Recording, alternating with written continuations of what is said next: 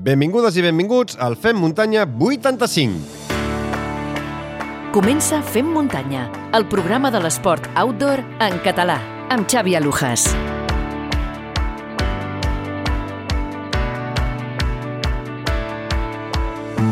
Com esteu, fem muntanyeros i fem muntanyeres? Sigueu tots benvinguts a un nou capítol i amb aquest ja sumem 85 programes regulars, el dels dijous, amb converses molt interessants i on el que és més important intentem escoltar i aprendre dels que en saben. Moltíssimes gràcies a tothom per haver-nos triat una vegada més i si és el primer cop que ens escoltes, no esperis a seguir-nos a la plataforma de podcast que facis servir normalment. I ja de pas, aprofita per donar-nos un m'agrada, un like o 5 estrelles. Ja sabeu que tots els dimarts publiquem un capítol d'actualitat on repassem tot el que ha donat de si el cap de setmana en el món de les curses per muntanya i les curses de BTT. M'acompanyen cada setmana dos cracs, com són l'Albert Torrent d'ultrascatalunya.com i el Robert Mercè, periodista especialitzat en ciclisme. Doncs aquest passat dimarts vam publicar el capítol d'actualitat d'aquesta setmana i per mi és molt especial perquè vaig afegir un muntatge sobre la darrera edició de la Romànic Extreme. Si heu fet aquesta darrera edició de la Romànic o qualsevol altre any, us recomano que ho escolteu. M'agradarà rebre les vostres opinions a través de la comunitat que tenim a Telegram o a través de Twitter i Instagram o al nostre correu electrònic femmuntanya arroba femmuntanya.cat. En el capítol d'avui, atenció, començarem parlant amb Clàudia Sabata, una atleta que l'any 2018 va patir un accident mentre esquiava i una lesió l'ha tingut doncs, apartada dels entrenaments i les competicions fins fa molt poquet. L'any 2018 eh, ho estava guanyant tot i amb ella parlaré de què és el que va passar, com ha portat la lesió i la recuperació i com encara el futur. Després xerraré amb la doctora i entrenadora Gés Bonet sobre les sèries en pujada. Intentarem saber com i quan s'han de fer i ens eh, donarà consells per poder treure-li el màxim profit. També en aquest programa coneixerem la vessant esportiva i solidària de la cursa Vertical Montserrat amb el David Colomer, un dels responsables de la prova i bomber voluntari del Parc de Bombers de Coibató i acabarem passant per la consulta del Guillem Marchal per escoltar les seves interessants reflexions. Avui li hem donat festa al Marc Cornet. Si no sabeu què llegir, de ben segur que si entreu a la nostra web i aneu a la biblioteca trobareu un llibre que us farà passar una bona estona de lectura. Us recordo les maneres que teniu de col·laborar i ajudar-nos amb el manteniment del Fem Muntanya. Tots i cadascun de vosaltres sou els responsables que això tiri endavant. Nosaltres posem les hores de feina i les ganes i a canvi us demanem un petit cop de mà i ho podeu fer de les següents maneres. La primera és fent-vos mecenes del programa. Ens podeu ajudar per només 1 euro amb 99 cèntims al mes a través de l'enllaç que teniu a les notes d'aquest i tots els capítols. Si trieu aquesta forma d'ajudar-nos, directa, podreu participar als sortejos que fem regularment i podreu escoltar abans que ningú les converses de forma individual. L'altra manera que teniu de col·laborar és comprant o regalant una camisa tècnica Flying Burrito. Per cada camisa que compreu a la seva web fent servir el codi FEMMUNTANYA10, vosaltres us estalviareu, a més a més, un 10% en la compra. També ens ajudareu si compreu un dispositiu Coros des de l'enllaç que teniu a les notes del capítol i feu servir el codi FMCoros comprareu qualsevol rellotge de la casa americana amb un bon avantatge en la vostra compra. De totes eh, dues formes, nosaltres rebrem petites comissions. Moltes gràcies a tots els que ho feu possible. Vinga, que nosaltres ja ho tenim tot a punt, així que engiguem les sabatilles i sortim a fer muntanya! Fem muntanya, l'esport outdoor en català.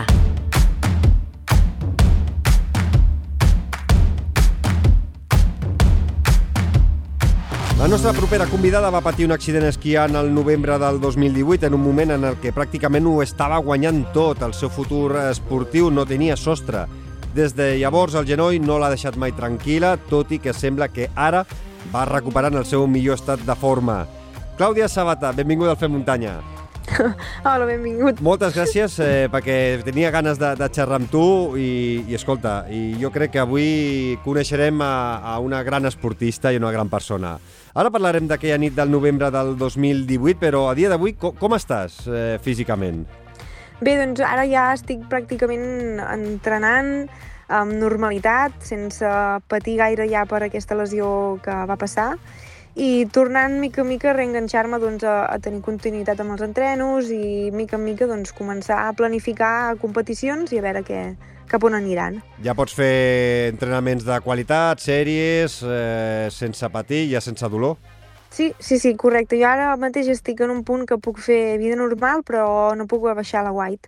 Mm -hmm. uh, hem tingut alguna petita recaiguda del genoll perquè encara hi ha algunes inhibicions musculars que, que apareixen sense cap motiu aparent, perquè no és que, diguem, hem fet algunes coses mal fetes, sinó que seguim fent les coses molt ben fetes, però no saps per què, doncs aquest genoll pateix la inhibició i llavors perdo musculatura mm, directament i proporcionalment molt ràpid, en una o dues setmanes puc arribar a perdre uh, un centímetre, un centímetre i mig déu nhi eh, Clàudia, els anys previs a l'accident va ser campiona del món de curses per muntanya de la categoria promesa després de guanyar el 2017 la Youth Scanning Running World Championship. A Arinsal també va ser subcampiona en la modalitat de curses verticals. A més a més, vas fer podi a la World Ski Master a la Xina, victòria al Campionat d'Espanya absolut per equips d'esquí de muntanya fent parella amb la Mireia Miró i victòria a l'estatal sub-23 déu nhi un tercer lloc al Campionat de Catalunya d'Esquí de Muntanya o, per exemple, un segon lloc a l'Olla de Núria o una segona posició a la nit Pirineu. déu nhi déu quin palmarès eh, just abans d'aquest accident. Eh, clar, mm, eh, abans de l'accident, quines perspectives tenies tu mateixa? És a dir, qui, tenies sostre? Quin, és, quin era el teu somni eh, llavors?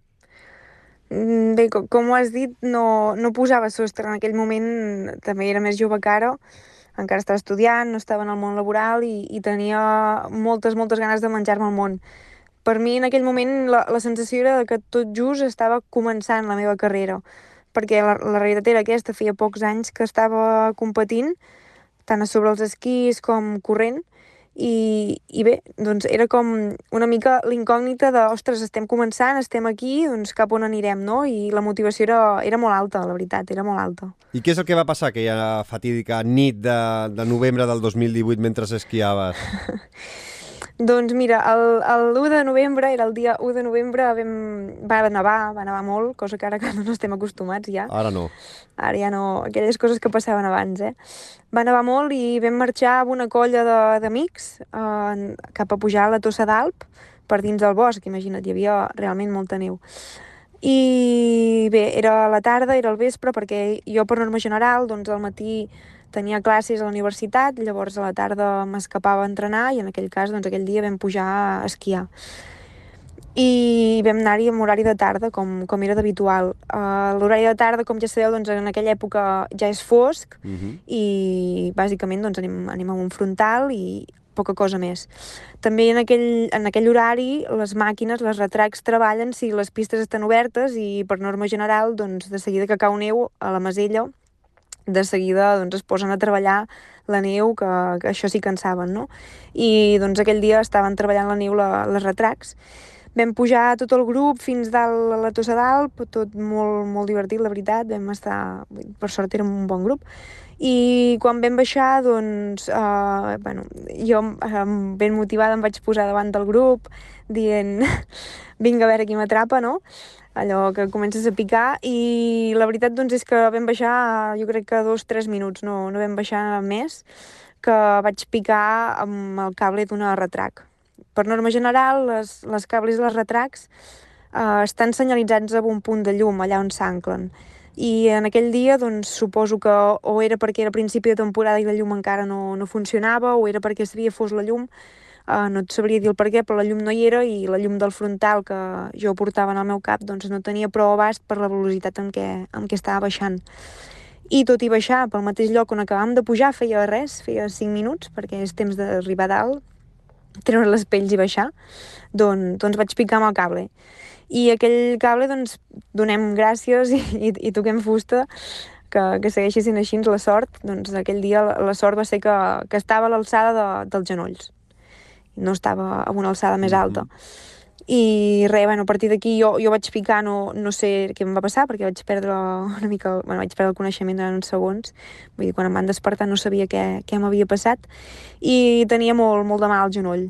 Llavors els meus companys, per sort, clar, molts dies sortint de la universitat anava a entrenar sola, però aquell dia érem una bona colla i em van poder baixar fins a baix a Comoriola, agafar-me amb cotxe i, i anar cap a, cap a l'hospital sense haver de trucar als GRAE.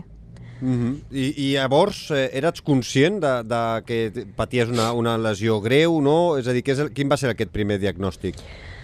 Mira, el primer diagnòstic va ser, no, va ser que m'havia donat un cop i que havíem d'esperar, perquè en aquell moment en què jo vaig a l'hospital tenia dues, bueno, tenia a, a la cama dreta una ferida que m'obria de dalt a baix, que es veia la tíbia i tot, i a la cama esquerra, que és on havia picat més el genoll, doncs tenia un genoll molt, molt inflat i, i amb les imatges doncs, no podíem veure amb precisió què hi podia haver. Sí que es veia que hi havia una lesió molt greu, no? una fractura com molt greu en aquell moment, o un trencament de creuats, etc. Però, però les imatges no, no donaven peu a, a dir, bueno, tens una lesió important, t'enguixem o t'immobilitzem, sinó esperem uns dies, esperem que et baixi tota la inflamació i seguirem fent proves.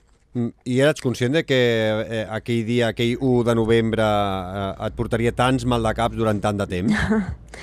doncs mira, no, vaig sortir de l'hospital rient, vull dir, amb els meus pares que van venir fins a l'hospital ben preocupats i vaig sortir esperant rient dient, mira, avui m'hagués pogut matar perquè només sí, faltava doncs, que aquest cable pugés 5, 50 centímetres, no?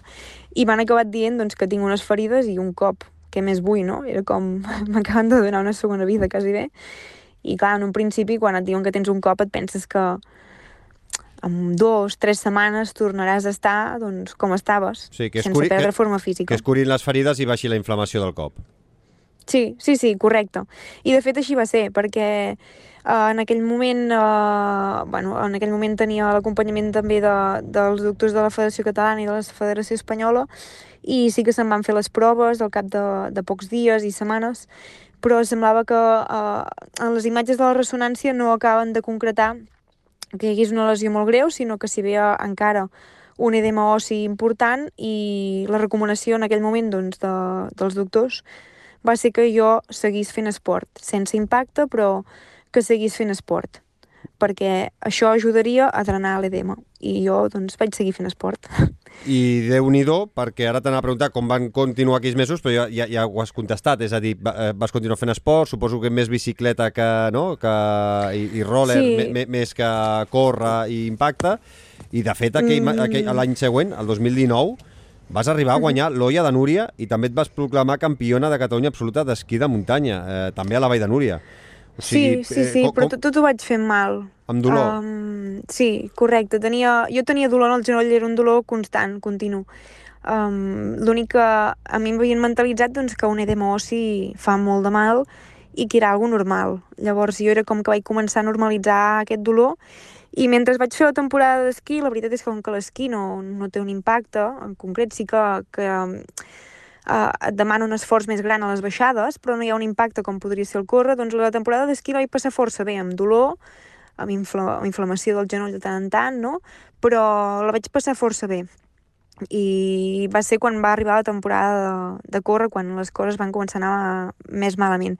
Vull dir, jo tenia un dolor controlat, que segons els doctors era força normal, i que, bueno, que m'havia d'adaptar aquest dolor i que mica en mica m'aniria marxant. Però quan vaig començar a córrer, com tu has dit, no? vaig estar a l'Olla de Núria, vaig començar la temporada d'hora, precisament d'hora, vaig començar amb la Berga Rasos Berga, i la següent va ser l'Olla de Núria. I jo recordo tota la baixada de l'Olla de Núria doncs, amb mal al genoll, no? I després d'aquí doncs, ja vam tornar a visitar el doctor, van estar mirant totes les possibles, llavors es va començar a parlar doncs, que possiblement estava començant a patir un, un desgast, per dir-ho manera, del genoll, començava a tenir una condromalàcia que potser no, no seria recuperable, inclús em van dir. I, això quan, I aquí és quan això, va començar i, la muntanya russa. I, I això què va ser ja, cap a l'agost-setembre del 2019? Sí, sí, sí, cap a finals d'estiu, quan entre les proves, en aquell moments també em van fer algunes infiltracions d'àcid hialurònic, perquè en aquell moment es feien aquestes infiltracions, i els doctors de, de la federació ho van considerar adient, per tant jo vaig dir que sí, endavant, i quan van veure que no, no recuperava, doncs van, van començar a optar per l'opció doncs, que possiblement ja no era un edema, sinó que era una condromalàcia, que era una que no podrien reparar i que, i que poder hauria de deixar de córrer. Així és com m'ho plantejaven. I com t'ho prens tu en aquell moment eh, a nivell mental? Com, com, com et planteges el, el teu futur esportiu? No, jo en aquell moment vaig pensar que no tenien raó i, i vaig deixar de visitar aquests metges i vaig anar a buscar, a trucar a altres portes. Poder és una mica una actitud de nen petit, no? Vaig a, vaig a trucar portes per escoltar el que realment vull escoltar, però jo realment creia que, que no podia ser que en 20 i pocs anys em, em diguessin que no podria tornar a córrer o que no podria tornar a córrer sense dolor. Jo no, no ho veia possible i bueno, llavors va ser quan, quan vaig anar a, de metge en metge fin, fins a trobar el doctor Seijas, que és el doctor que, que m'ha recuperat el genoll. Mm -hmm. I, I clar, o sigui, des del setembre del 2019, eh, gairebé a l'agost del 2020, també el doctor Cubat, eh, teòricament, eh, en el teu Instagram, Instagram eh, dius que va trobar el problema, el problema real, que era una lesió no? a la teva ròtula i, a, i al cartílag. Durant sí. aquest any, eh, des dels eh, finals de, de, de l'agost, no? o setembre del 2019 fins al 2020, què és, quan vas picant porta a porta i tu a nivell esportiu, diguéssim, que deixes d'entrenar de, o continuaves fent esport? Jo continuava fent esport, però de forma limitada. Si jo tenia dolor no, no em feia més. Vull dir, feia el que em demanava el meu el genoll, cos. perquè en aquell moment no, no sabia exactament el que tenia, fins que no em van donar un diagnòstic clar a l'equip del, del doctor Cugat, en concret el doctor Cejas, no? que, uh mhm. -huh. que va veure clarament doncs, que la meva ròtula estava afectada a nivell ossi per molt possiblement una fissura o una fractura en el moment de l'accident que no, no es va poder veure amb les imatges, doncs jo vaig tenir una fissura o una fractura que no es va recuperar, per dir una manera és un os que no es va soldar, i el fet de no deixar-lo soldar, perquè clar, jo vaig seguir fent esport, segons m'indicaven, doncs aquell os es va anar, per dir una manera, morint. Vull dir, tenia una necrosis de l'os, que és que l'os es va morint aquest, aquest procés d'inflamació que, que crea, a més a més de l'edema, doncs el cartíleg que està enganxat a sota la ròtula, perquè també tenim un petit cartíleg a sota la ròtula, mm. ja que tenim el cartíleg de, del manís, doncs en tenim una sota la ròtula, doncs clar, aquest cartíleg tan prim també es va veure afectat, no? Tant de temps en un procés d'inflamació constant i permanent, eh, aquest cartíleg es va desfer, per dir-ho manera, no? Va, també es va degenerar. Llavors tenia el doble problema. Tenia un problema a l'os i un problema al cartíleg. Clar. Que... Ah, i, i, sí, sí. I a tot això, a tot això ja han passat gairebé dos anys de, de l'accident i al final acabes passant per, per quiròfan. És la solució final. Ha sigut eh, no? sí. una miqueta sí, sí. Veure, veure la llum. Clar, el, el problema principal també va ser que va entrar el Covid aquí al mig. Just em van donar Cert. el diagnòstic i al cap de, crec que dos mesos teníem el Covid ja uh, aquí entrant i jo també sóc infermera i és algo que tampoc jo vaig posar pressa en aquell moment de mira, agafeu-me, opereu-me, feu-me el que vulgueu, posem solució ja, perquè en aquell moment jo també m'estava dedicant a treballar i no hi havia altra prioritat. I tant. Així que I, fins i bon, que les bona, coses i, es van tranquil·litzar més... I bona feina, que, que, I bona feina que vau fer totes plegades. Moltes gràcies, mira sempre fem el que podem. No, s'ha d'agrair, s'ha d'agrair, vull dir, la feina que vau fer tota aquella època i que feu sempre, però que s'ha d'agrair ara que, que ara que ho comentaves, no? És a dir, deixar la, la, la teva vida personal una mica de banda per dedicar-te a la teva vida realment professional eh, d'infermera. Sí, sí, sí, correcte, així, així va ser. Bueno, com en el meu cas i com, com totes les infermeres, més. els metges i tots els sanitaris que treballen en tots els centres, tots van, van deixar de banda la seva vida personal per estar treballant en aquell moment. Què, què, què va significar per tu i què va significar per tu poder entrar a quiròfan per fi, gairebé dos anys després de, de l'accident? Um, mira, en aquell moment uh, entrar a quiròfan per mi era, no, no era la solució uh, diguem-ne definida Uh, el doctor Seixas és un bon doctor perquè no és un doctor que, com ell m'ho va dir, és bon si estàs, van dir, estàs buscant un doctor que et digui el que tu vols escoltar, però jo no t'ho diré. I uh, ell m'ho ha dit molt clar, ara mateix tens un genoll que està molt desgastat i que ara farem una operació que hi ha molts casos de persones que, doncs, que, que en tenen un bon resultat i poden tornar a fer vida normal, però també hem tingut altres casos doncs, que no ha donat la mateixa resolució i segueixen tenint dolor i segueixen veient limitada la seva vida esportiva, per dir una manera, o personal, també. Per tant, en aquell moment era com em queden poques opcions. Si vull tornar a córrer he de passar per quiròfan i si funciona doncs serà la meva solució de, de, bueno, la, la millor que pugui tenir, no? poder tornar a córrer i si no, doncs sé que, que hauré de viure amb aquest mal. Vull dir, no, no tornaré a córrer com abans. I han sigut... Tot i així, no, digue'm, digue'm. Disculpa, perdona, disculpa, disculpa, pensava que havies acabat, disculpa. No, no, que ha sigut mesos d'incertesa, vull dir, fins, fins a l'octubre del mes de l'any passat, del 2022, és, tot ha sigut una incertesa. Mm. I durant tots aquests de, dos anys, eh, que realment diguéssim que tens l'alta mèdica a la tardor, principis de tardor de l'any passat 2022, durant aquests dos anys, doncs sí que vas fent molta rehabilitació, no? Molt, molt, anar recuperant a poc a poc i, uh -huh. i, i has, has anat eh, entrenant segons el, el, que, sí. el que et deia el teu genoll, no? Mira, una cosa molt important, o sigui, fins ara hem estat parlant de, de metges, de doctors, no? d'especialistes, i és molt important trobar la persona que, que cregui amb què pots recuperar el teu genoll, perquè jo estic convençuda que moltes persones, segurament no amb la mateixa lesió que jo, però potser semblants, no? o amb situacions semblants, doncs s'han trobat, uh, com jo em vaig trobar des d'un bon inici, doncs amb metges que, que no creien que, que jo pogués tornar a fer la meva vida d'abans. Llavors, trobar la persona que realment confiï en que pot haver-hi una solució en això, que hi cregui de forma positiva, això és el primer pas important de qualsevol lesió. Buscar algú que tingui ganes de recuperar-te i que es vegi capaç de recuperar-te a nivell mèdic. Però una vegada els cirurgians han fet la seva feina dins el quiròfan, mm, la recuperació no s'acaba allà, vull dir, aquelles tan sols la, la petit, o sigui, el, el 10% de, de la lesió, l'operació. Mm -hmm. L'altre 90% és la, la recuperació que fas.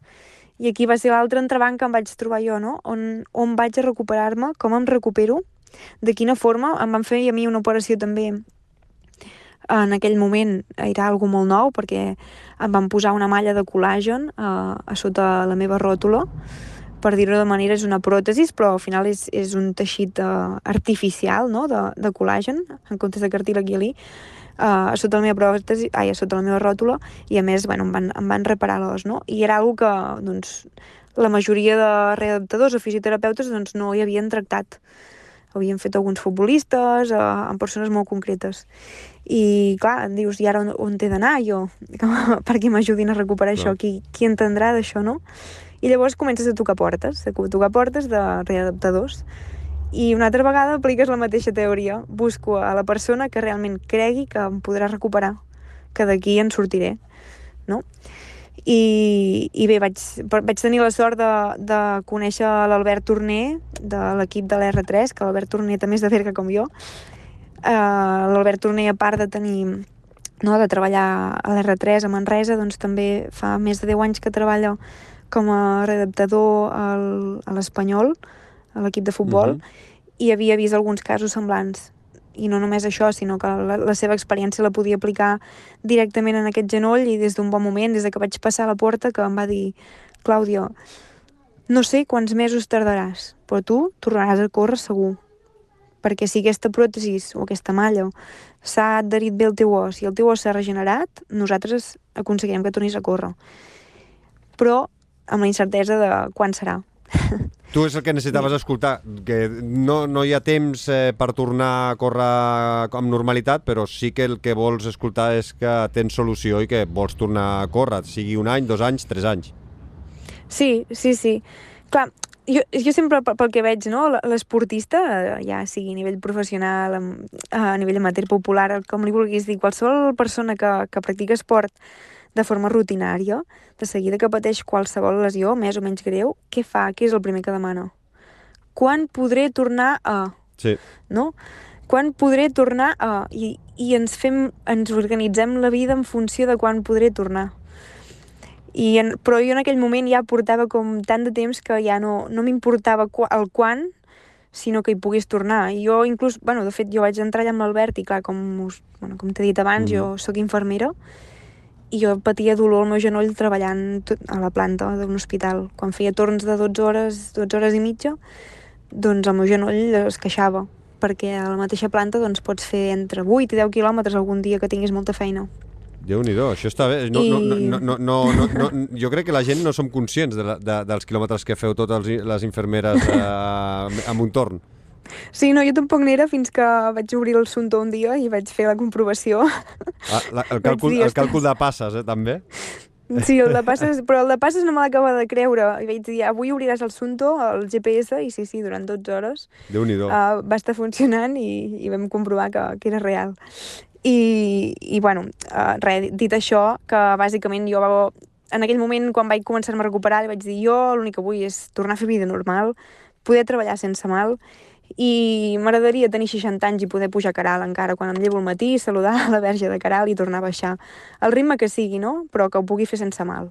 Mm. I, I durant tots aquests anys eh, has hagut de necessitar en algun moment ajuda psicològica? Perquè a, les, a través de les xarxes sempre doncs, eh, t'hem vist molt uh -huh. optimista, però m'imagino que també existe, existeixen no? dies negres en els quals doncs, no veus la sortida gaire, gaire clara.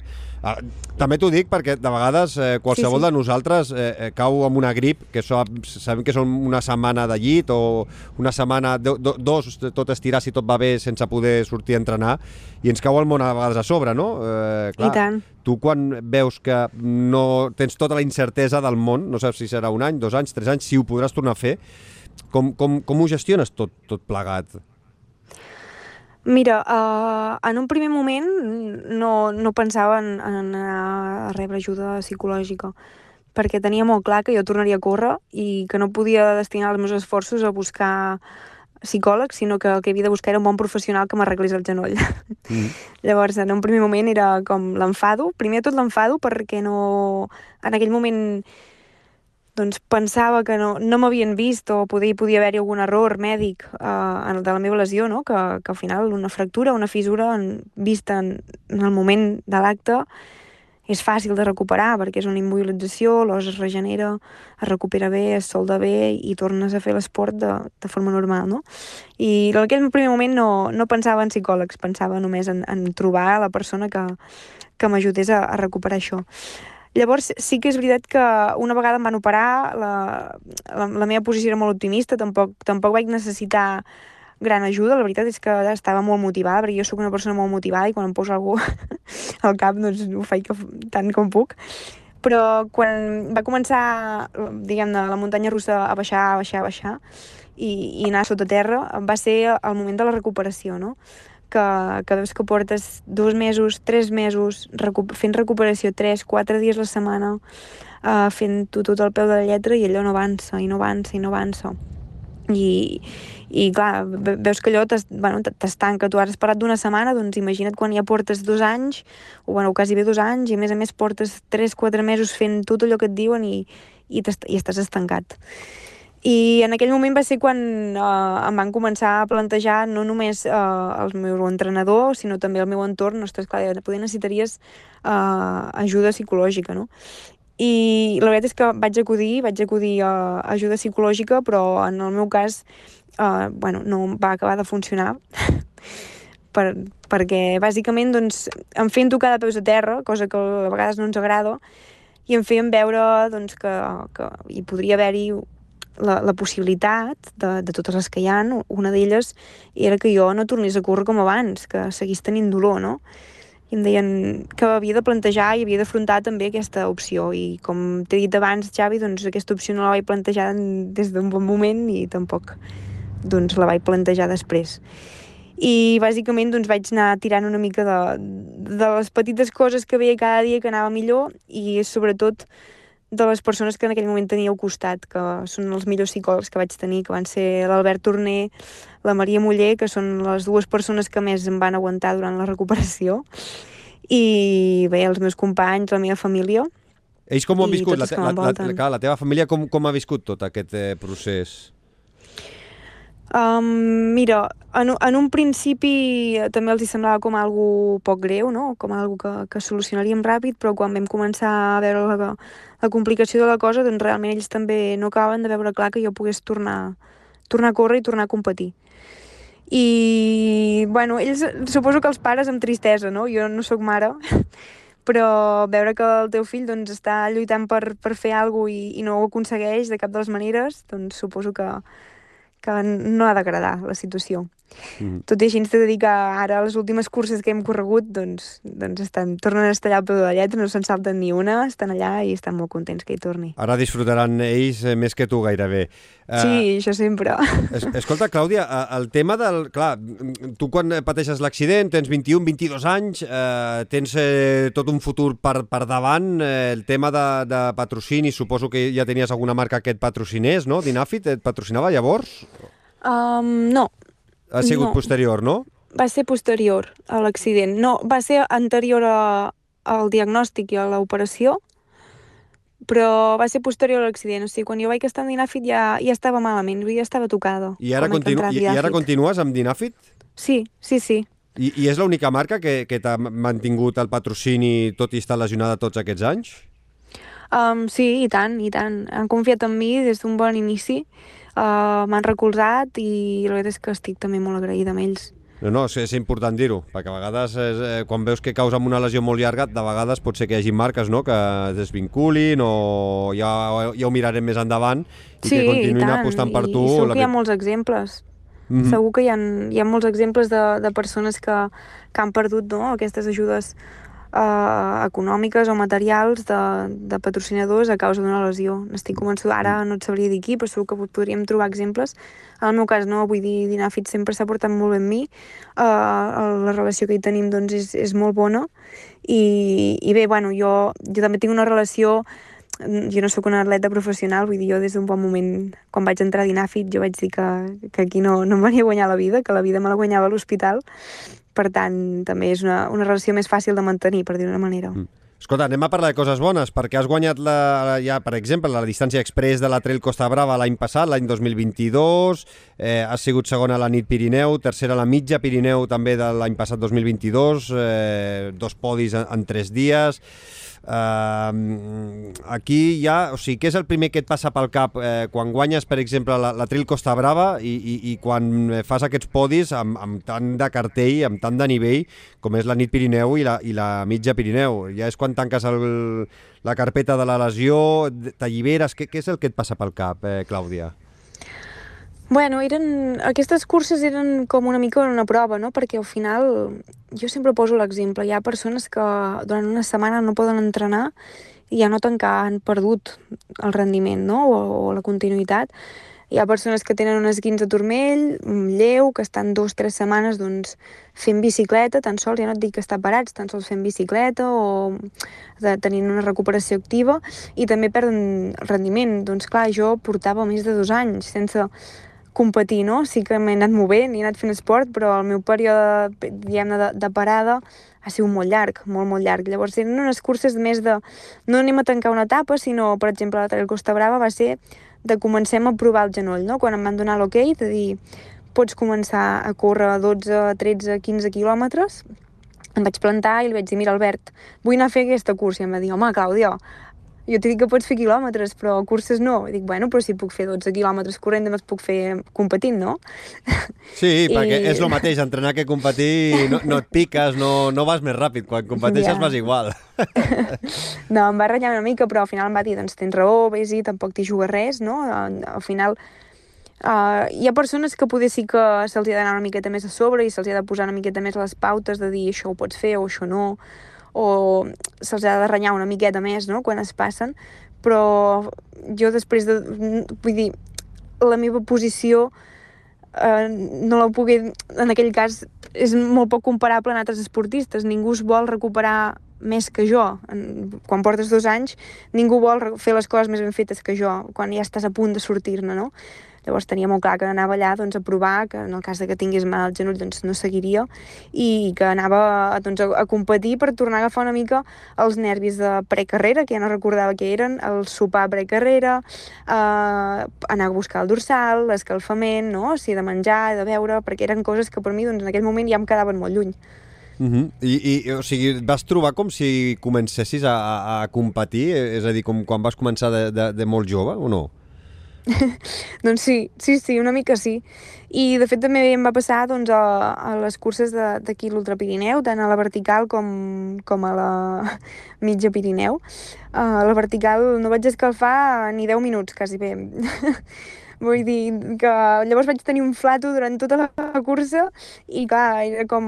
vaig arribar dalt i pensar és que seràs tonta, com si no haguessis competit altres cops, no? Com si no sapiguessis que per una vertical doncs s'ha d'escalfar i escalfar molt bé per una cursa tan explosiva. Mm -hmm. Però és allò que, bueno, no, no portes la rutina, no portes el ritme, a més a més tornes a competir, et tornes a trobar amb, o a retrobar amb companys o excompanys d'equip, de, uh, de, de competició, de viatges, de, vas parlant aquí i allà i resulta que, doncs, que no has escalfat agafat.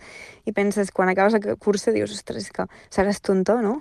Mm. per què no ho has fet? I és això, sembla que siguis una, una novata, no? Perquè estàs començant una altra vegada. T'oblides de coses eh, bàsiques eh, per falta de, de, de rutina al dia a dia. Eh, I ara què? Com et planteges el futur, Clàudia? O sigui, quins són els, els, els teus propers reptes? Què tens al cap? Eh, no sé si t'estàs marcant ja calendari doncs, de cara al 2023 o, o ja més a llarg plaç, 2024? O sigui, que, quin, quin, comptant de que el genoll uh -huh. continuï evolucionant bé, que, que, que eh, toquem fusta, estic tocant el cap, eh, que no hi hagi cap mena de recaiguda, què és el que t'agradaria fer a partir d'ara? Um, doncs mira, um, el 2023 eh, per mi serà com un any de, de transició, de, de tornar, i de tornar a intentar agafar continuïtat, de tornar a agafar experiència, de tornar a agafar ritmes allà davant, no? de, de, de tornar a fer una mica el que feia, bàsicament. No, no és per res de l'altre món, però per mi ja és molt poder tornar aquí. Vull dir, ja serà un, un esforç molt gran. I segons com vagi aquesta temporada, doncs ja em plantejaré doncs, el 2024, però també t'he de dir que després d'una lesió com la que he patit jo, ara m'estic agafant les coses molt, molt diferents, no? Abans tenia aquella pressa per tornar a estar allà davant, aquella pressa per tornar a estar a podis, per estar a copes del món, per estar a certes curses importants, i ara doncs, les coses les veig des d'una altra perspectiva molt més calmada. Com bé t'he dit abans, eh, no em dedico a, a córrer, sinó que jo sóc infermera. Llavors això és algo que, que em ve de gust fer, que ho vull seguir fent, però que no em donarà de menjar. Per tant, les coses ben fetes i sempre cuidant de, del genoll, perquè, com t'he dit abans també, doncs fa poc vam, bueno, hem tingut algunes petites recaigudes al genoll, que això no vol dir que m'hagi tornat a lesionar, ni que no pugui córrer, o, o que m'hagi de parar un temps, però sí que és una mica l'avís de, de que hem d'acabar de fer les coses bé, que sí que tinc l'alta, però, però que aquesta transició ha d'estar ben feta, vaja, mm -hmm. que ha sigut molt temps de parada. I si tot això no fos poc, també has patit no? problemes eh, intestinals, síndrome de l'intestí irritable, eh, això avui en dia com, com, ho, sí, gest... bueno, com, com ho portes, com ho, com ho gestiones? Ho tens més controlat, mm, això? Sí, no, no, això estic, estic estupendo. Em van trobar que era celíaca, o sigui, jo tenia molts mals de panxa, però no m'acaben de trobar d'on em venien, i finalment doncs, les proves van dir que, que era celíaca i s'ha arreglat absolutament tot, vull dir, la meva dieta és sense gluten i puc fer vida completament normal, sense mals de panxa, sense diarrea, sense res. Perquè també vas passar una bona època amb tot això. I ja acabo, eh, Clàudia, eh, si és que no pares, entre els entrenaments, la rehabilitació, tot plegat, és que ets a més a més una de les organitzadores de la Berga Rasus Berga, Eh, aquest any eh, torna a finals d'abril. El 29. El 29. Doncs sí. el 29 d'abril, com, com va l'organització de, de la cursa? 25a edició en guany? Sí, sí, un èxit. Tu, arribar a 25 anys, una cursa organitzada per un club, no? per una entitat sense ànim de lucre, és, és un gran èxit. Un, un gran èxit. Vull dir, ara tots sabem que, que les curses doncs, van, els seus orígens partien d'aquí, no? de les organitzacions a través de clubs, entitats, associacions, però que mica a mica i a poc a poc doncs, la societat eh, o el mercat ens ha portat a, a privatitzar o semi-privatitzar aquestes, aquests esdeveniments i la veritat és que és un orgull poder dir doncs, que tenim aquí a casa a Berga una cursa que té 25 anys d'història i que fa 25 anys doncs, que està organitzada per voluntaris i per, per persones que, que realment doncs, creuen encara en el voluntariat. Doncs eh, que vagi molt i molt bé, molta sort en aquesta 25a edició de la Berga Rasus Berga. Eh, Clàudia Sabata, eh, tota la sort del món, moltes gràcies per participar avui aquí al Fem Muntanya i estarem en contacte, anirem xerrant i et seguirem eh, de ben a prop. Moltes, moltes gràcies. Moltes gràcies. I que, gràcies escolta, per convidar-me. Que el 2023, com dius, sigui de transició i que el 2024, escolta, ho petis. Una abraçada, moltes gràcies. moltes gràcies. Busca'ns i subscriu-te a qualsevol de les principals plataformes de podcast. Spotify, Apple Podcast, iVox, Google Podcast i moltes més.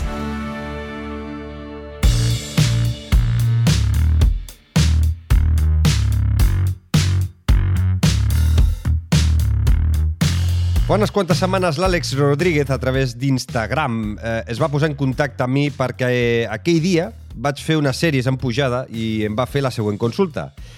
He vist el teu entrenament a Strava i voldria que m'ho expliquessis una mica, ja que sempre tinc dubtes a l'hora de fer les sèries en pujada i em pregunta si han de ser molt llargues en distància i han de ser moltes en quantitat.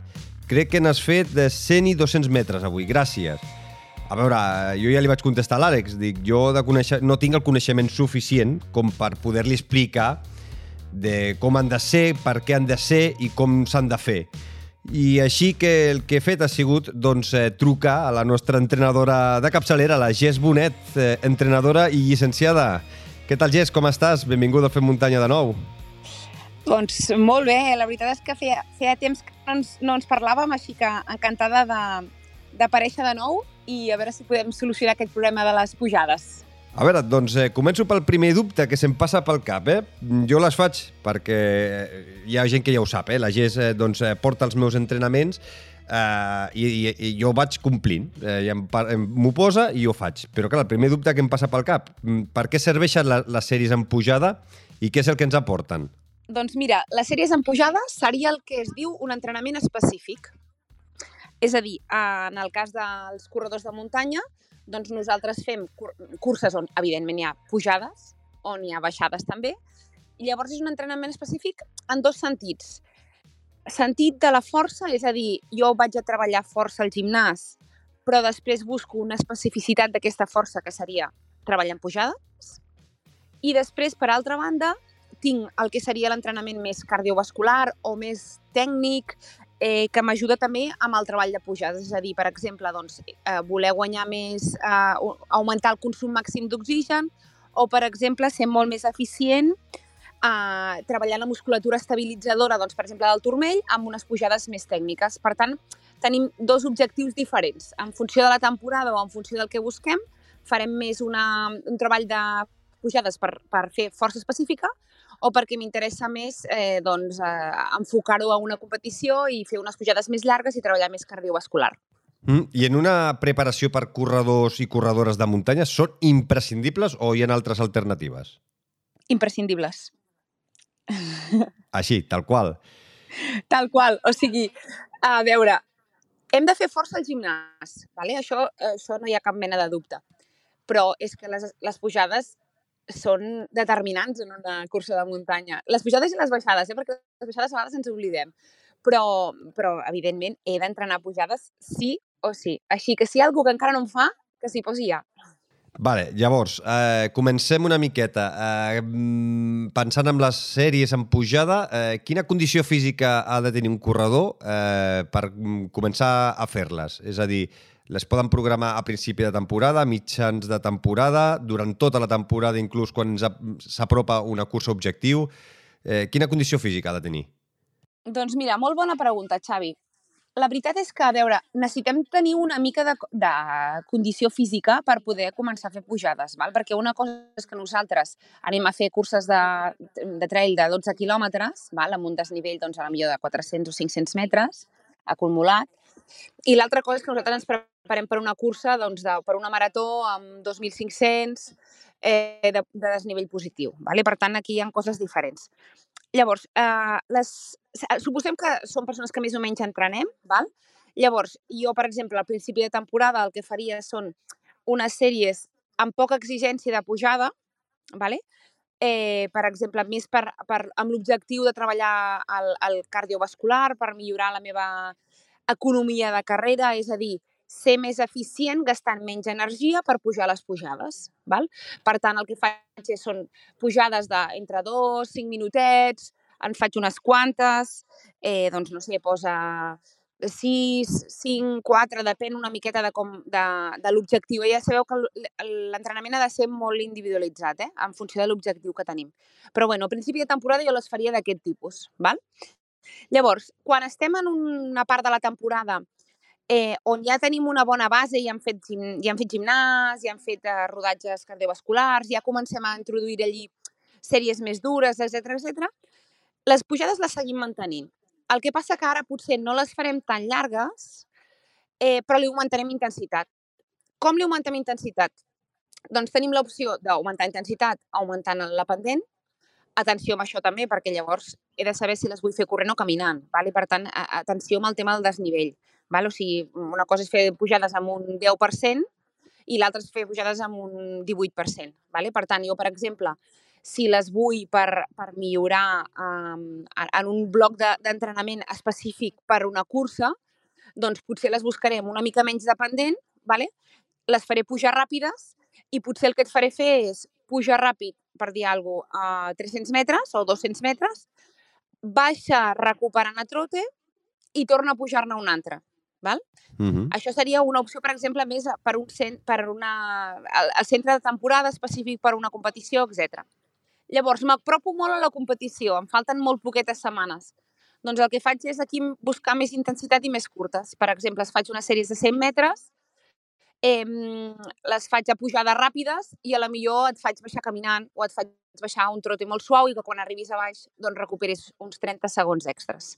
Val? Per tant, en funció de la temporada les fem més llargues, menys inclinació, més treball de cardio, o les fem um, amb més inclinació o amb una recuperació més baixa, per exemple, també les podria fer baixant ràpid, i quan estem afinant ja per una competició que ens queden molt poques setmanes, eh, doncs 3-4 setmanes, les faig més curtes, més intensitat, però, amb una, uh, però recuperant una miqueta més, recuperant doncs, un trote molt suau o, o amb un minut a baix, per exemple. Mm -hmm. Uh, M'estan entrant molts dubtes, eh? Uh, llavors, dins d'una setmana, dins, uh, uh, clar, es planifica primer amb un macrocicle, no?, dins de 3-4 sí. setmanes, i després també es planifiquen dins d'una mateixa setmana. Quan eh, pensem que una persona doncs, bueno, o, no, o no vol tenir un entrenador i s'entrena sol, perquè es coneix molt bé el seu cos, però té alguns dubtes, dins d'una mateixa setmana, què és el que ha de tenir en compte a l'hora de planificar-se fer unes sèries en pujada? És a dir, abans o després de fer força al gimnàs, quants dies de recuperació si ha fet sèries de velocitat o altres tipus de, de treball específic. Què, què és el que ha de tenir en compte per, una, fer-les bé, dos, no lesionar-se? Vale, perfecte.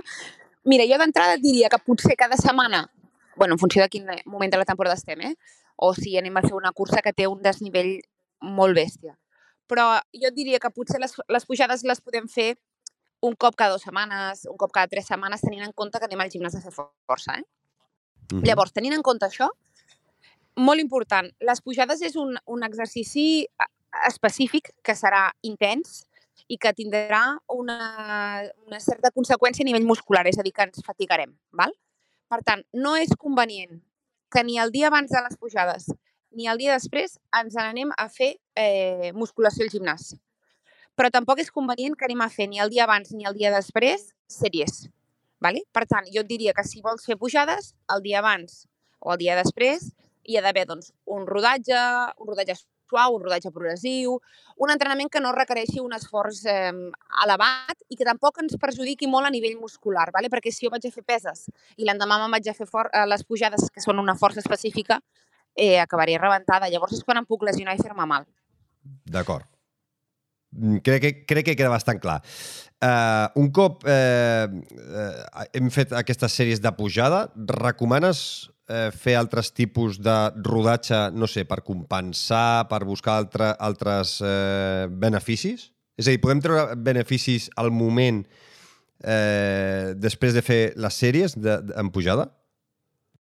Sí, mira, jo recomano molt fer transferència. És a dir, jo faig una sèrie de pujada i llavors estic treballant pujada específica, val? o sigui, una força, un treball específic per, per muntanya. Val? Per asfalt també, eh? perquè també a l'asfalt també s'han de treballar en pujades. Però llavors jo el que faig és fem unes pujades i al final d'aquestes pujades, en el cas de que tinguem un parell de blocs de pujades, al mig dels dos blocs fem uns progressius. Si pot ser en pla, perquè llavors això és la transferència, és a dir, jo faig forç treball de força específic i el que passa és que el vull per córrer més ràpid, val? per ser més eficient, per tenir més economia de carrera. Llavors jo faig aquest bloc primer de pujades i recupero amb 3-4 progressius de, no sé, entre 50 i 100 metres i llavors descanso i vaig cap al següent bloc.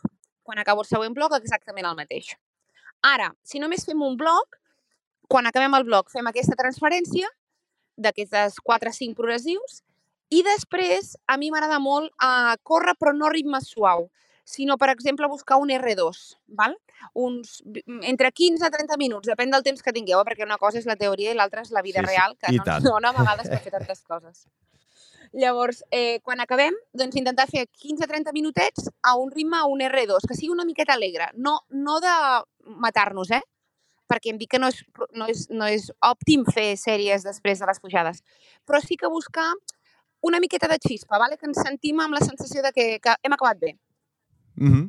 uh, a nivell metabòlic, uh, el cos, quins beneficis treu de, de fer les sèries en, en pujada? És a dir, Uh, quan, quan nosaltres les, les fem i, i què, què és el que després uh, nosaltres uh, notem en una cursa? Eh, pues, doncs que, que pugem més estona, pugem més ràpid, és a dir, què és el que el corredor notarà eh, i que es motivarà per fer-les eh, pues, dins el seu, la seva planificació d'entrenament?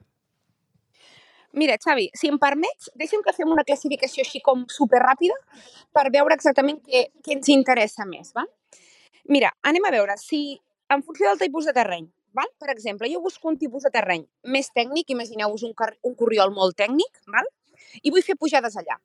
Allà què milloraré? Allà milloraré la meva motricitat, val? Uh -huh. Treballaré molt la, el, la musculatura estabilitzadora, val? a nivell de turmell, a nivell de genoll, a nivell de maluc. Val? Per tant, si jo busco un terreny molt tècnic i faig pujades, evidentment, a, a banda de treballar doncs, l'entrenament cardiovascular, m'enfoco molt a un entrenament on jo vull millorar uh, la meva musculatura estabilitzadora, vull motricitat, vull aprendre a pujar millor sense estar eh, inestable. Val? Per tant, terreny tècnic m'ajuda en aquest aspecte.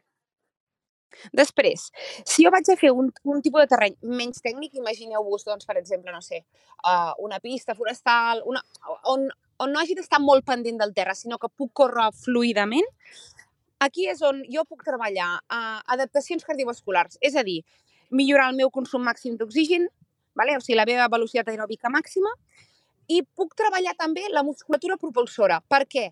Perquè si jo tinc un terreny que tot i que sigui en pujada, és bastant regular, jo puc aplicar molt millor la força. Si jo estic en un terreny irregular, em costa molt més aplicar correctament la força. Val? Per tant, si nosaltres quan anem a córrer a muntanya notem que ens falta cardio a les pujades, que no som capaços de propulsar bé, que ens cansem molt, ens convé un terreny que sigui menys irregular. Mentre que si jo de cardio i tal ja vaig molt bé, però en realitat um, no em sento còmoda, no, no, trobant els passos, faig pujades en, en un terreny més tècnic. Vale? Llavors, l'altre tema és quin grau d'inclinació té la pendent. Si jo tinc una molta pendent, el que em dèiem, eh, doncs, no sé, una pendent de 15%, eh, aquí el que vull és mm, bàsicament treballar molta força específica, perquè el que vull és que vull pujar més o menys ràpid, i, i per tant, l'acció muscular ha de ser molt més gran perquè tinc molta pendent i, per tant, la, la, la sol·licitació de, muscular per part del cos és molt més elevada. Val? Ara bé, si vaig a una pendent més baixeta, imagineu-vos, no sé, un 6, 8, 10%, val? aquí el que busco és o, a, pujar amb una mm, reactivitat més alta de, de, del turmell. És a dir, busco treure el peu molt més ràpid, no necessito aplicar tanta força, i busco ser, com ser més àgil. Val? Mm -hmm. Llavors, una vegada tenim això clar, si jo faig sèries llargues, és a dir, entre dos i cinc minuts, més o menys, vale? treballo mm, el que seria el més el consum màxim d'oxigen i l'umbral anaeròbic, vale? el llindar anaeròbic, perdó. O sigui, el que seria més entre R2, vale? R1, R2. Si jo vull fer un, vull millorar més, diguéssim, de R2 a R3, perdona, t'ho he dit malament, dit al, al revés, no és? Sí, al revés, exacte, perdona. Si et dic uh, velocitat aeròbica màxima, perdona, treballo entre dos i cinc minutets a un ritme constant, uh, elevadet, val? Uh, estic treballant això, a millorar el consum màxim d'oxigen i la meva, la meva uh, llindar anaeròbic. Vale? Si faig sèries més curtes, el que faig aquí ja és treballar eh, el que seria el, el metabolisme anaeròbic. Vale? Jo vull fer sèries, per exemple, de 50 metres superràpides, a lo millor això ho treballaria més si jo anés a fer un quilòmetre vertical, vale? tot i que sigui un component aeròbic, bàsicament, perquè no és córrer 100 metres, però jo el que vull és que tenim molta xispa i, per tant, el que, quan jo busco tenir molta xispa faig aquestes sèries curtes. Mentre que quan jo vull treballar la meva capacitat aeròbica de, de guanyar uh, consum màxim eh, d'oxigen vull apropar aquest llindar anaeròbic al consum màxim d'oxigen, treballo unes sèries més llargues amb unes recuperacions més curtes. Mm. No sé si m'he explicat. Ba bastant bé, bastant bé. És, bastant, és, és, és bastanta teoria, però jo crec que eh, hi haurà molts oients que a partir del que estàs dient i de que cadascú a vegades doncs, llegint doncs, també sap, s'ho pugui aplicar al seu propi entrenament si no té un entrenador o una entrenadora. Eh? Vull dir, això és per gent doncs, que s'autoentrena i que a vegades ven, venen, les, venen les lesions. Si nosaltres, eh, hi ha alguna persona que ens porta els entrenaments i, i, i, i sap i és llicenciat o llicenciada, doncs evidentment i ens recol·locarà bé les, les sèries. Però a vegades també va bé saber-ho per saber què és el que estàs fent i per què ho estàs fent, que això també és, molt, és superinteressant. I jo crec sí, que... Jo, perdona, Xavi, jo crec que és molt important això que diem, eh, de saber quin objectiu, per què treballo. Jo què vull fer? Un quilòmetre vertical o vull fer l'ultratrail del Mont Blanc? Llavors, clar, ah. jo si vull fer l'ultratrail del Mont Blanc, fer sèries curtes amb... potser no em serveixen. Vale, i ara ja si acabo... I, i, I ara vull acabar amb l'última. Uh, imagina't eh, que ara a l'abril, doncs, o a l'abril, al maig, o que fas una primera marató i és trencacames, és a dir, fas 2.500 metres de positius eh, amb 5 pujades de 500 metres. I més endavant, eh, al cap d'uns mesos, fas una altra marató de 2.500 metres amb dos pujades de 1.200 metres cadascuna. Eh, les sèries, evidentment, quan s'apropa l'objectiu, han de canviar. Quan s'apropa la primera marató, les sèries haurien de ser més curtes i més, més explosives, no? perquè és un terreny Exacte. més trencacama, i quan s'apropa la segona marató, que només tens dos pujades molt llargues, les sèries haurien de ser més llargues. Correcte, tal qual. No mm. em podies haver definit millor. Bueno, eh, això vol dir que he estat atent a la teva masterclass. Exacte. O sigui, jo, jo tot i que 500 metres és bastant llarg, eh? hem de dir que 500 metres és bastant llarg, però... O, he posat 500 metres per posar un exemple, eh? per sí, posar sí, entre 500 que... i 1.200, però sí, però podria ser sí, que tinguessis eh, 7 o 8 pujadetes d'aquestes rotllo sí. neorural, que la gent que ha fet la neorural sap que fa 10-12 pujades de 150 metres i, fa, i acabes fent 1.800-1.900 positius. Vull sí. dir, que, que es trenca cames, no acabes mai d'agafar un ritme. És, quan arribes a dalt, tornes a baixar, tornes a pujar. Vull dir que em refereixo a això, no? Una, una marató trencacames o una marató que és pujar, pujar, pujar, baixar, baixar, baixar, pujar, pujar, pujar, baixar, baixar, baixar. I punt. Les sèries han de ser diferents. Les sèries han de ser, han de ser diferents, sí. Però no només per, per la mm, longitud i, i, i per la, el, el percentatge de desnivell que tenen, sinó també per el volum de quilòmetres final que farem. Val? O sigui, si jo sé que a la millor a fer una, una marató trencacames em portarà molta més estona, doncs potser a banda de treballar les sèries d'aquesta manera també he de pensar que jo he de treballar una bona base aeròbica. Val? O sigui que, clar, és que eh, és una mica més difícil de gestionar només les sèries. O sigui, clar, hem de mirar l'entrenament de manera global.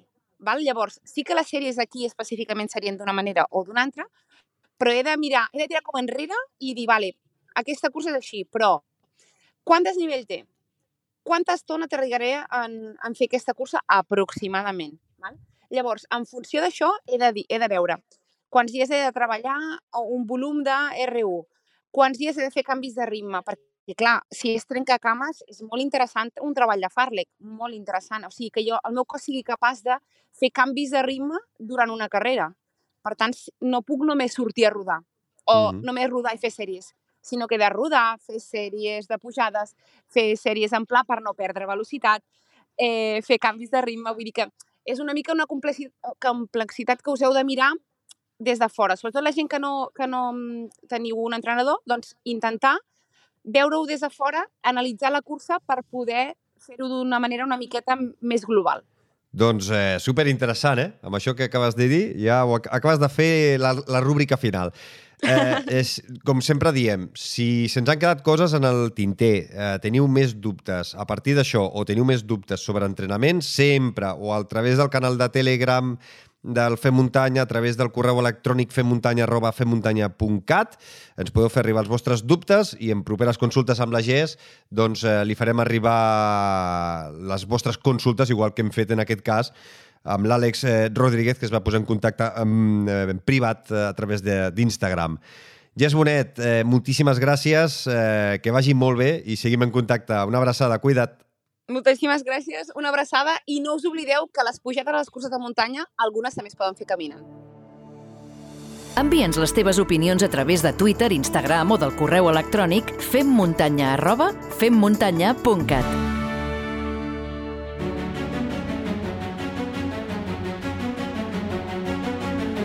En el programa d'avui em ve molt de gust parlar d'una cursa solidària que celebrarà el proper 20 de maig i que qui hi participa podríem dir que és un privilegiat. Durant els propers minuts parlarem de la Vertical Montserrat amb el David Colomer, que és l'ànima, l'impulsor i un dels responsables d'aquesta prova i que, a més a més, és bomber voluntari.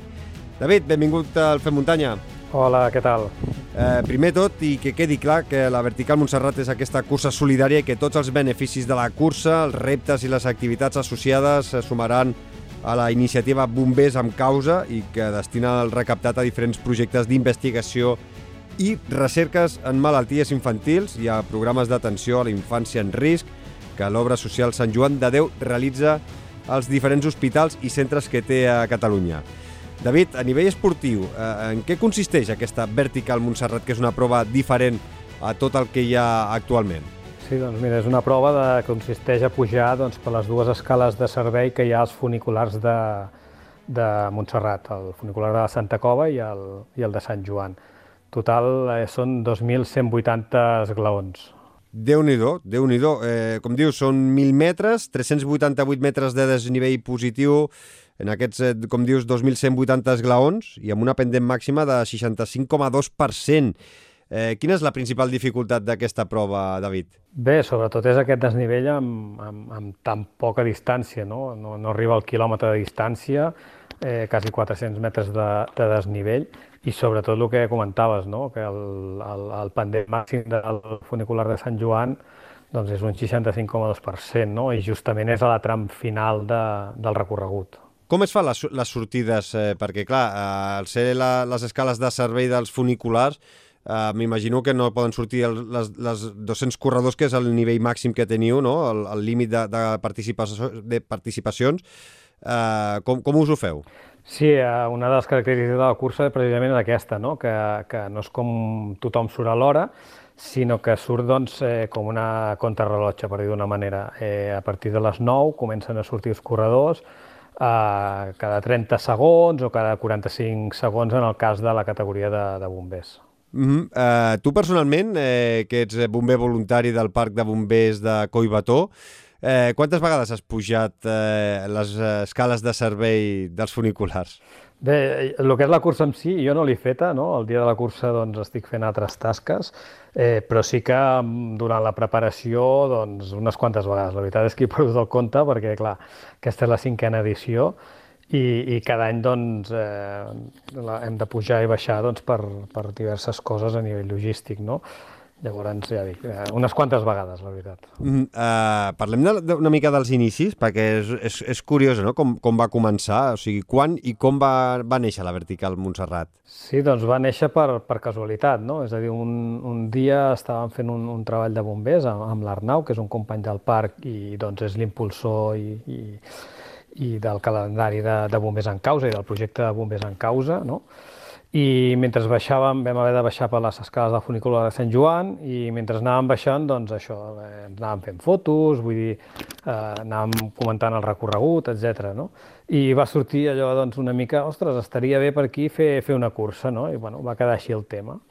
Al cap d'uns dies també estàvem a baix de Santa Cova, també amb, amb companys del Parc de Bombers, també fent una altra actuació, i allò que, bueno, ho poses, no? Ostres, mira, l'altre dia baixàvem a l'Arnau i vam pensar, ostres, una cursa per Sant Joan, i, ostres, i per què no els dos funiculars, no? I, i aquí va començar la, la, la vertical Montserrat, no? Vam dir, ostres, doncs, mm, per què no? Eh, llavors vam començar doncs, a, a moure'ns per, per poder-la tirar endavant, no? I, i ara, doncs, mira, aquest any ja és la, la cinquena edició. Però darrere d'aquest inici també hi han dos grans històries, eh, tant de l'Arnau Fabregat com, com la teva. Sí, eh, de fet la, la Vertical Montserrat doncs, eh, és això, neix de, de dues històries personals. L'Arnau, eh, això al voltant del 2010, eh, tenia una germana que es deia Mar, eh, li van detectar un, un sarcoma d'Ewin, ell doncs, arran d'aquesta malaltia tenia molta relació amb Sant Joan de Déu, Llavors va entrar de, de bombers a, a Collbató, no? de bomber voluntari a Collbató. i va tenir la idea o volia fer alguna cosa doncs, per ajuntar les dues institucions. I d'allà va sortir o va néixer el, el calendari no, de, de bombers en causa. El 2011 es va començar doncs, a, a gestar aquest projecte i el 2012 va sortir el, el primer calendari. No? I bueno, ha sigut continuat i estem preparant doncs, l'edició del 2024 d'aquest calendari. No? I per l'altra part, doncs, eh, jo tinc una malaltia que es diu retinosi pigmentària, que m'afecta la vista, no? per, perdo visió, i doncs, d'aquí també ve la, la part de, inclusiva de, de la vertical Montserrat. No? Mm, ara, ara mateix ho dius, o sigui, eh, no només recapteu diners, sinó que treballeu també per la inclusió de les persones amb discapacitat eh, de, mm, per la pràctica esportiva. Uh, com, com, com ho feu això exactament? És a dir, quines eh, persones, eh, a part de, de la modalitat Open, eh, eh, quines persones amb discapacitat eh, poden participar? Sí, com, com comentes és això, no? Neix d'aquestes dues experiències personals i llavors teníem molt clar doncs, eh, que això, que la cursa havia d'aconseguir fons pel projecte de bombers en causa i sobretot eh, visibilitzar i, i donar l'oportunitat a persones amb, amb discapacitat de que poguessin participar d'una cursa com aquesta. No? Uh, un, tret característic és això, que, que la gent que la fa amb la modalitat inclusiva, que és gent doncs, que té algun tipus de, de discapacitat, més d'un 33% reconeguda, sigui física, visual, auditiva, eh, fan exactament el mateix recorregut que qualsevol doncs, dels altres participants. Uh -huh. I, I llavors hi ha les eh, quatre modalitats esportives, que seria la categoria Open, la categoria inclusiva, la categoria Bombers i la categoria Som un equip. Eh, en aquestes quatre categories eh, queden alguna inscripció disponible o no? La que és la categoria de bombers, doncs eh, la vam posar el dia 2, eh, es va obrir el dia 2, igual que l'Open, i es van acabar la de bombers en 20 minuts i la Open en una hora. Llavors, actualment, encara tenim obertes el que seria la categoria inclusiva, que tenim 10, 10 places i d'aquestes ja n'hi ha 3 doncs, que, que estan ocupades, no? que s'han inscrit. Llavors, doncs, per, per donar-li un impuls a la part doncs, eh, més solidària, no? s'ha creat, eh, ja fou, vam crear fa dos anys, la modalitat de Som un equip, no? que està pensat doncs, això per empreses, col·lectius, associacions, entitats, que es marquen el repte d'aconseguir 500 euros i corren eh, dos corredors representant amb aquest equip la, la vertical Montserrat. La corren, diríem, amb la part doncs, de categoria general, però la categoria específica també de, de Som un equip. Mm, aquesta seria la part més important on podeu recaudar més eh, diners, no? La, som un equip, amb, aquestes, amb aquests 500 euros eh, per, per parella. Sí, és així, perquè, clar, eh, nosaltres estem molt limitats, no? és a dir, aquí Ferrocarrils, que són els, els propietaris de Ferrocarrils de la Generalitat de Catalunya, són els propietaris doncs, de les infraestructures, ells ens cedeixen l'espai, que passa que, clar, tenim un temps limitat, llavors eh, estem al voltant de les, dels 200 participants, no? llavors la manera doncs, de, de poder aconseguir més fons, a part de tot el tema de patrocinis, vam veure que aquesta era una modalitat doncs, de que podia encaixar molt bé i, i que doncs, li donava una, una magnitud més gran tota la part solidària i la part social. No? -hmm. Vale, la categoria Open, eh, com deies, eh, ja estan els eh, dorsals esgotats, categoria Bombers també, categoria inclusiva encara en queden alguns, és a dir, que si algun oient o algun, eh, alguna oienta no? eh, ara mateix doncs, eh, té aquesta, aquest 33% de discapacitat o coneix algun que tingui aquesta, aquesta, aquest 33% mínim de discapacitat doncs, visual, física, auditiva, doncs eh, pot participar i si no, doncs eh, fer una categoria equip, eh, ja sigui doncs, representant a la feina, eh, una entitat, eh, un club esportiu, un poble, i que entre tots no, poder posar aquests 500 euros i representar aquest, aquest col·lectiu, no? Sí, és així. Eh, nosaltres eh, enguany doncs, ens hem marcat la fita d'intentar arribar als 30, als 30 equips, val? Eh, de moment ja en tenim sis ja de, de, de confirmats i en tenim doncs, més una mica paraulats, no? però, però sí que és l'objectiu que, que creiem doncs, no? per, per aconseguir més, més finançament doncs, per, per tots aquests projectes que, que hi ha en marxa Bombers en Causa, doncs ja sigui a, a nivell de recerca, no? la beca de Bombers en Causa, o, o de l'atenció a, a infància en risc. No? Mm, eh, cada any, eh, David, heu comptat amb un padrí o padrina. Eh, heu comptat, per exemple, amb Núria Piques, heu comptat amb Arcadi Alibés, amb l'Emma Roca. Aquest any també tindreu eh, algun eh, personatge doncs, famós, algun esportista famós que, que us apadrini? Sí, això doncs, aquest any també el tindrem. Eh, en breu ho anunciarem, no? perquè a vegades doncs, costa, eh, com, com comprendràs, eh, s'han de lligar molts factors aquí, però ja el tenim i en breu anunciarem doncs, eh, qui és el padrí d'enguany de, de l'edició de, de la Vertical Montserrat. Alguna pista? Home, dona... Bueno, és una cara coneguda de, de la televisió. Bueno, mm, surt per TV3? Surt per TV3. Bueno, ens anem apropant. Eh, quin dia fareu sí. públic? Eh, quin dia podrem saber qui és el vostre padrí o la vostra padrina? En breu, eh, la setmana que ve no, o la següent segurament. Entre, res, en 10-15 dies eh, ho tindrem ja a punt. Doncs eh, estarem atents. Eh, a més a més també podeu adquirir un dorsal, que, que el dieu un dorsal zero. Què és eh, això del dorsal zero? Sí, el dorsal zero doncs, està pensat doncs, per això, per qualsevol persona que, que no pugui doncs, assistir pel que sigui no? o s'hagi quedat doncs, sense inscripció i que vulgui doncs, col·laborar amb, amb la causa. No? Doncs, a través de la pàgina web de, de la Vertical Montserrat hi ha una pestanya de, de dorsal zero i tothom pot fer doncs, les aportacions que, que consideri pel, pel projecte de Bombers en Causa. Hem de pensar que que això, eh, que tots els beneficis que s'aconsegueixen d'aquesta cursa van destinats íntegrament a, a aquest projecte.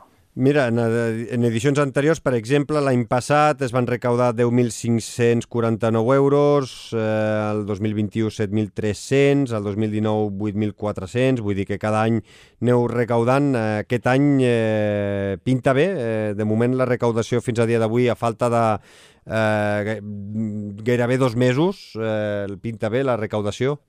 Sí, esperem poder, el que deia, eh, arribar a l'objectiu d'aquests Som un equip, d'aquests 30 equips no, que participin, i bueno, som optimistes i per què no doblar doncs, eh, el que es va fer l'any passat. No? Ja dic, dependrà molt, ara eh, tots els esforços estan centrats això amb, amb aquests col·lectius, ja sigui empreses, eh, siguin clubs, siguin escoles, siguin ajuntaments, no? que doncs, eh, eh, puguin fer aquest repte.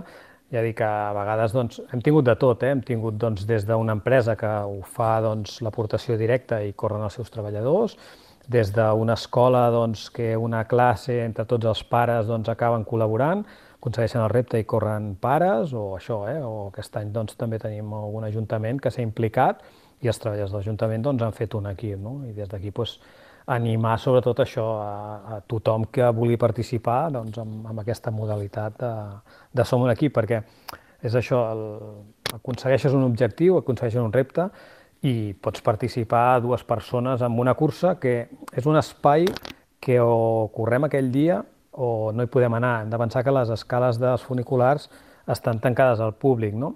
Uh -huh. i només ens les, les, les obren per, perquè podem fer la vertical Montserrat aquell dia. Una altra doncs, eh, peculiaritat és que és un, una, una, una cursa que no la pots entrenar, no? És a dir, tu et pots preparar per una marató, et pots preparar doncs, per una mitja marató, una cursa de muntanya, etc, perquè pots anar a on es farà la, la gran majoria de curses, però aquí no, no? No hi ha cap espai doncs, similar amb, amb 2.000 escales que, que puguis entrenar o que puguis tenir una referència.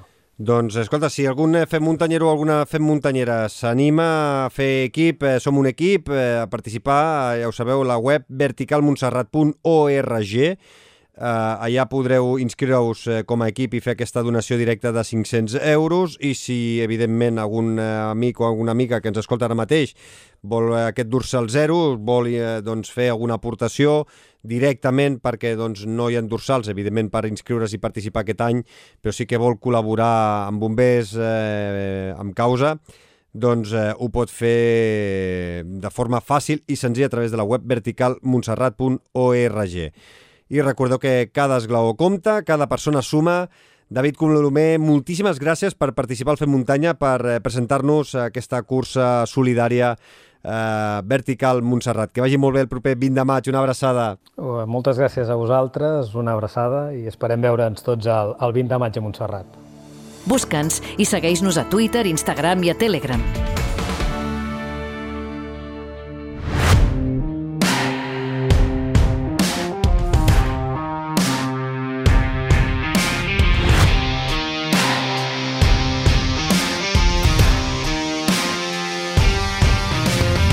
Tornem a la consulta del nostre coach esportiu de capçalera, ja ho sabeu, el Guillem Marchal és llicenciat en Ciències de l'Activitat Física i l'Esport i Master Coach per la International School of Coaching. Molt bones, Guillem.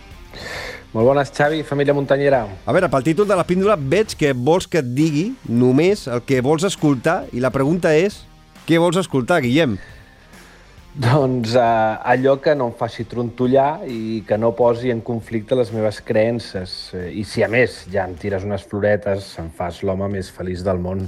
Enganyat, però feliç. Bueno, i, i enganyat per què?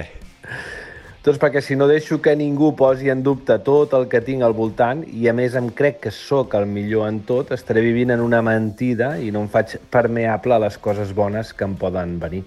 Bueno, però potser viure en una mentida feliç que en una realitat potser desagradable, eh? Ja, però saps què passa? Eh, que una mentida no es pot mantenir en el temps. Depèn de l'habilitat del farsant o farsants i depèn també del nivell de desconnexió que tingui jo de la realitat, l'engany es podrà perllongar més o menys temps. Però al final tot es sabrà. I llavors la decepció es multiplica per mil perquè a la mala notícia inicial se li afegeix el temps d'ignorància descreguda. Pensa que no hi ha millora sense adversitat ni evolució sense conflicte. Això tan profund que dius, no sé si tu ha despertat la Clàudia Sabata durant l'entrevista. Bé, eh, això se'm va despertar el dia que vaig eh, reneixer, però sí que és cert que l'entrevista posa de rellevància un aspecte que és clau en la mala recuperació de lesions, en les recaigudes i en les cronificacions de depèn de quines d'elles. I aquest aspecte és la incapacitat que tenim d'acceptar el que ens és dit si no coincideix amb el que volem escoltar. O, o, o per exemple, quantes vegades no t'ha passat que t'has fet mal, has descansat un parell de dies i el tercer ja t'estàs provant. I si tens molèsties, eh, li restes importància i segueixes pensant que ja passarà. Jo crec que t'he de confessar eh, que moltes vegades això em passa, inclús a vegades eh, tenint alguna dècima, eh, saps que no estàs gaire, fe, gaire fi, però et vas, et vas provant, eh? Però, bueno, per mm. sort, per sort, al final tampoc he tingut eh, cap lesió com la que ha patit la, la Clàudia i sempre he pogut anar trampejant i res que a vegades una sessió de fisio, un parell de sessions, eh, no et posi tot a lloc, eh? Bueno, és que, és que no cal tenir una lesió de, de la seva gravetat eh, per ser un mal pacient. A quants fem muntanyers i fem muntanyeres no els sona la pregunta mm, per quan tinc? O, o bé la de quan podré tornar-hi? O aquell ibuprofen màgic que ens ha de salvar a qualsevol cursa. I llavors, és clar, venen fascitis eternes, tendinitis rotulianes perpètues o molèsties del psoas i del piramidal perennes. Jo crec que al final la resposta dels serveis mèdics a aquestes preguntes eh, no, hauria, no hauria de ser tens per tants dies o setmanes o mesos, sinó que hauria de ser per quant de temps vols que et digui? O, o quin dia hi vols tornar? Perquè, total, no em faràs ni puto cas i faràs el que et doni la puta gana. Una mica de raó sí que te l'he de donar, eh? sí que la tens, però és que és molt frustrant saber que estàs en una bona dinàmica i, i de forma física i que de cop i volta t'has d'aturar i no saps si dos setmanes, dos mesos o, o dos anys. Bé, Eh, en primer lloc, si t'acabes lesionant, potser és que en tan bona dinàmica no estaves i per això quan no t'atures tu, el teu cos sap com aturar-te. I en segon lloc, em fascina veure com els muntanyeros i muntanyeres són capaces d'estar hores i hores pacientment, corrent i caminant per la muntanya amb un objectiu clar i, en canvi, després no saben destinar-li el temps que calgui a la seva recuperació. Suposo que, que la salut no deu ser tan important com ser finisher, potser. I tens alguna explicació per tot això, Guillem? Doncs en té diverses. Eh, l'assumpte de no voler escoltar serveis mèdics i buscar setenes i vuitenes opinions, o fer més cas a Google, que a l'especialista amb el que et visites, és que avui dia no sabem gestionar la nostra frustració. Tenim molt poca tolerància al no, i quan algú ens el posa al davant, ens el prenem com un atac personal amb el que reaccionem amb la indiferència i el menysteniment. Respecte del fet de no fer cas i prendre les nostres pròpies decisions independentment de l'opinió dels serveis mèdics, probablement probablement, eh? és degut a que som una societat enfocada i educada en els últims temps en el curt termini, en el curtterminisme, en la immediatesa, i després també a que som addictes a les endorfines que genera el nostre organisme i saber que en un temps no les podrem sentir ens angoixa i, i, no, i no renunciarem fàcilment. I com podem aprendre a fer cas i, i a parar? Doncs a hòsties. Tal qual. Bueno, però una, Tal una qual. pregunta, clar, a la, a la Clàudia, el fet de no ser conformista i voler escoltar el que ella volia escoltar l'ha ajudat a recuperar-se, perquè potser si hagués fet cas als primers metges i a les primer, als primers diagnòstics, doncs eh, potser no s'hagués pogut recuperar. Doncs, hòsties, al final eh, això funciona així. Um, no, no és que eh, no s'hagin de buscar diferents opinions, eh, no és que tu no puguis eh, buscar eh, altres eh, diagnòstics, però el que sí que és cert és que eh, el que no pots fer és no creure't allò que t'està dient un especialista. El que no pots fer és, si no escolto el que jo vull sentir, directament eh, desmereixo aquest especialista i l'abandono.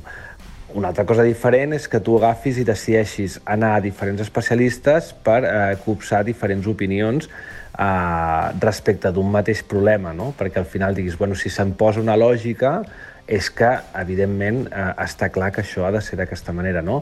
I llavors busco segons professionalitat, és a dir, un especialista, per exemple, en genoll d'aquest tipus, un especialista en genoll de l'altre tipus, és a dir, vaig a visitar el doctor Cugat, que sí que és especialista en lligaments encreuats per al seu tema de futbol, vaig a buscar l'altre doctor perquè és especialista en tema de cartílegs o el tema de desgast de, del, del, del genoll, etc etc. no? Això té la seva lògica, però el fet de no voler fer cas és una altra, és una altra cosa. I com que no l'aprenem, doncs al final funciona així, funciona A- a a, hòsties. hòsties. A hòsties. I a més, la Clàudia ho ha deixat clar. Mm, vull dir, I els nostres amics fem muntanyeros i fem muntanyeres eh, ho saben de sobres. Fins que no toques fons i fins que algú no ve i t'amenaça i et dibuixa el futur que t'espera i fins que tu no pots tirar de cap de les maneres i reconeixes necessitar ajuda, seguiràs i seguiràs i no pararàs. I tot així tampoc és segur que n'aprenguis prou i amb prou rapidesa. I menys encara que no repeteixis les mateixes errades en, en un futur pròxim. De fet, no, no és amb aquella dita de que l'home és l'únic animal que eh, ensopega eh, dues vegades la mateixa pedra. No? Nosaltres som especialistes. Jo em considero ensopegador professional i crec que animal, sobretot, eh, eh, per davant de tot. El bon metge o bon recuperador o fisioterapeuta és aquell que li importa més la salut que els teus diners i que et dirà la veritat, per incòmoda i dura que sigui, amb el risc de perdre't com a pacient. Eh? I el bon esportista, i això ens ho hem d'apuntar nosaltres, és aquell que es reconeix vulnerable i que sap ignorant d'un camp que desconeix, de manera que, que li ofereix tota la confiança al que el tracta sense dubtar ni per un moment de que li vol bé.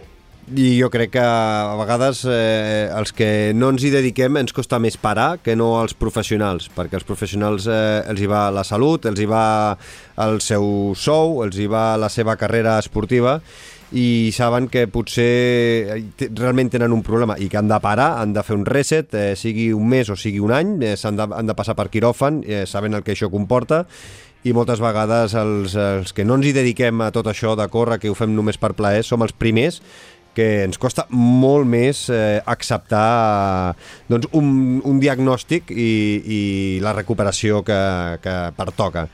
Vull dir que doncs, esperem que no ens hi haguem de veure gaire eh, per això en aquesta batalla i que puguem gaudir per molts anys de la muntanya al nostre aire. Eh? I tant, i tant.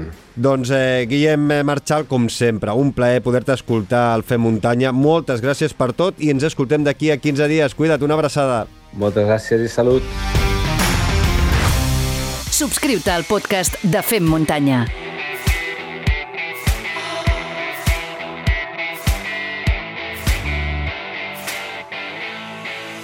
Arribem al final d'aquest capítol 85 i vull aprofitar per agrair-vos a tots que hagueu arribat fins al final. Recordeu que si us ha agradat aquest capítol podeu subscriure-us a qualsevol plataforma de podcast. Recordeu Spotify, Apple Podcast, eh, Google Podcast, eh, iVoox i moltíssimes més. A qualsevol d'elles activeu les notificacions per rebre'n una cada vegada que publiquem un nou capítol i valoreu-nos positivament. I si compartiu aquest o qualsevol altre capítol a les vostres xarxes socials, serà la forma més efectiva que ens puguin conèixer més eh, oients i que la comunitat vagi creixent setmana rere setmana. Us esperem a la nostra comunitat Fem Muntanyera a Telegram. Moltes gràcies a tots els que hi formeu part i també ens trobareu a les nostres xarxes socials, a Twitter i a Instagram. Ens trobareu com a arroba femmuntanya. Recordeu que teniu una pàgina web molt completa, femmuntanya.cat, i el nostre correu electrònic per rebre els vostres feedbacks femmuntanya arroba femmuntanya.cat. Acabaré agraint la feina de tot l'equip que l'ha fet possible en Guillem Marchal, la Gés Bonet, en David Colomer i la Clàudia Sabata. De debò, moltes, moltíssimes gràcies a tots per ser-hi. Una salutació de qui us ha parlat, Xavi Alujas. Ha sigut tot un plaer. Tornem d'aquí a dues setmanes amb més històries i tots els dimarts publiquem, ja ho sabeu, el capítol de l'actualitat amb l'Albert Torrent d'Ultres Catalunya i el Robert Mercè. Fins llavors, gaudiu i sigueu feliços, amb salut seny i, sobretot, molta muntanya!